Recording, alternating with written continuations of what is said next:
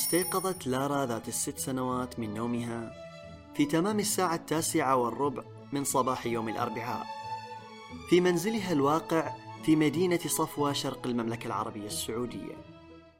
وتوجهت مسرعة إلى غرفة الطعام حيث أعدت لها والدتها إفطارها المفضل.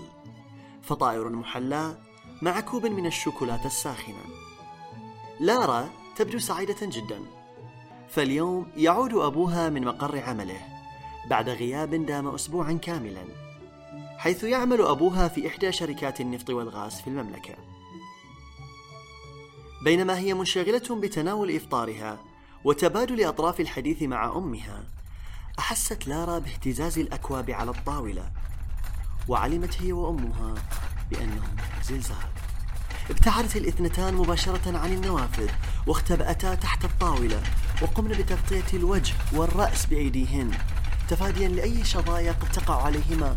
ولكن لكن لحظة. عندنا زلازل في السعودية؟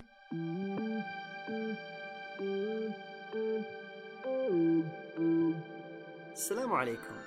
أنا بسام الزاير وأهلا وسهلا فيكم في حلقة جديدة من زانوليث بودكاست. وأنا صغير لما كنت أشاهد أفلام أو حتى لما أسمع الأخبار عن بعض الدول اللي يصير فيها زلازل وأشوف الدمار اللي قاعد يصير فيها بسبب هذه الكارثة كان يجيني خوف وأقول يعني هل ممكن يصير هذا الشيء عندنا هنا؟ ما كنت أملك إجابة أو ما كانت عندي معلومات كافية وقتها غير الجملة اللي مستحيل أنساها وبالنص من كتاب علم الأرض في المرحلة الثانوية تحدث الزلازل في مناطق الضعف من القشرة الأرضية طيب وش يعني هذا الكلام؟ خلونا ناخذ الموضوع حبة حبة ونبتدي بأنواع الزلازل. الزلازل عبارة عن نوعين زلازل طبيعية وزلازل صناعية. الزلازل الطبيعية نفس الشيء تنقسم إلى نوعين حركية وهي اللي تصير في أماكن لها صفات جيولوجية خاصة يعني تكون القشرة الأرضية ضعيفة وغير سميكة وتكثر فيها الصدوع والفوالق. وتنتج هذه الزلازل بسبب حركات صفائح سطح الأرض مع بعضها البعض. يعني مع حركة الصفائح تصير عمليات شد وضغط واحتكاك لحد ما توصل لمرحلة أن الصخور الموجودة على حدود هذه الصفائح ما تقدر تتحمل عمليات الضغط والشد والاحتكاك. فوش اللي يصير؟ تنكسر وبشكل مفاجئ وتطلع الطاقة اللي فيها على شكل اهتزازات. أما النوع الثاني من الزلازل الطبيعية فهي الزلازل البركانية وتكون بسبب تحرك الصهارة تحت سطح الأرض وهذا اللي يسبب الاهتزازات.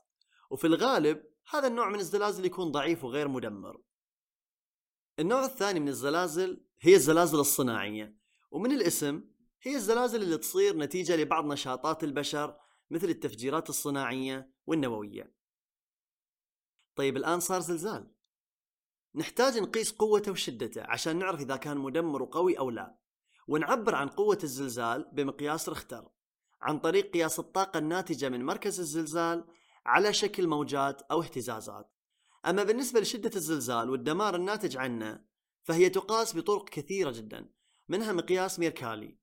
وفي بعض الزلازل تكون مدمرة جدا وفي بعض الآخر تصير وأساسا ما نحس فيها. المصادر التاريخية تقول إنه خلال الألف سنة الماضية صارت زلازل وحسوا فيها الأهالي في داخل حدود المملكة العربية السعودية. وتم التعرف على الأماكن اللي صارت فيها زلازل بشكل تقريبي. لكن الإحصاءات الحالية تبين أن السجلات التاريخية حول الأنشطة الزلزالية ما هي مكتملة إلى حد ما. حتى بالنسبة للزلازل اللي بلغت قوتها 6 درجات أو أكثر بسبب قلة عدد السكان وقلة السجلات في الماضي. وخلونا هنا نسرد بعض أهم أحداث الزلازل اللي صارت في المملكة. من الأحداث الموثقة بشكل جيد وقوع أحد الانفجارات البركانية أو تدفق الحمم البركانية في حرة رهط قرب المدينة المنورة في عام 654 هجري والموافق 1256 ميلادي. واللي صاحبه نشاط زلزالي ملحوظ ولا زالت هذه المنطقة لين الحين تشهد نشاط زلزالي منخفض. ومعروف أيضا بأن آخر حدث زلزالي هام هو زلزال حقل في عام 1995 ميلادي في خليج العقبة واللي بلغت قوته 7.3 عزم زلزالي. ونجم عنه أضرار كبيرة أثرت على المدن الواقعة على جانبي خليج العقبة.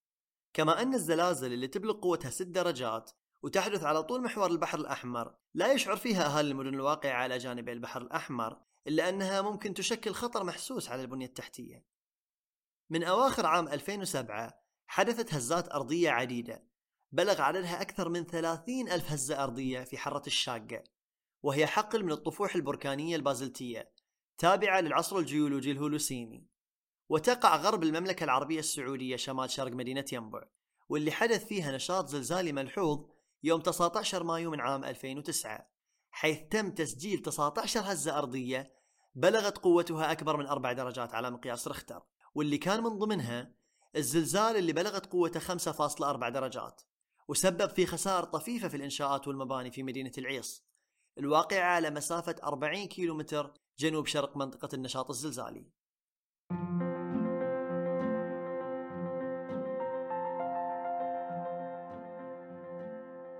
تعتبر البحوث في مجال الزلازل والبراكين هامة جدا لتحديد أسباب وأماكن وقوعها وكذلك إنشاء قاعدة بيانات مناسبة لتقدير المخاطر الناجمة عنها. ومع بداية الثمانينات من القرن العشرين سارع دول مجلس التعاون الخليجي بإنشاء محطات الرصد الزلزالي حيث بدأت المملكة العربية السعودية ثم تلاها كل من الكويت والإمارات العربية المتحدة في اتخاذ نفس النهج. من أجل الحفاظ على الأرواح والممتلكات من مخاطر الزلازل. وفي المملكة عندنا هيئة المساحة الجيولوجية السعودية هي الآن مسؤولة عن كافة أعمال الرصد الزلزالي داخل المملكة.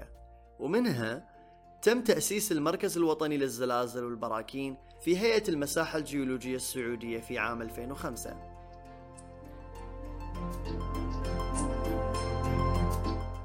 وصلت معاكم لنهاية هذه الحلقة.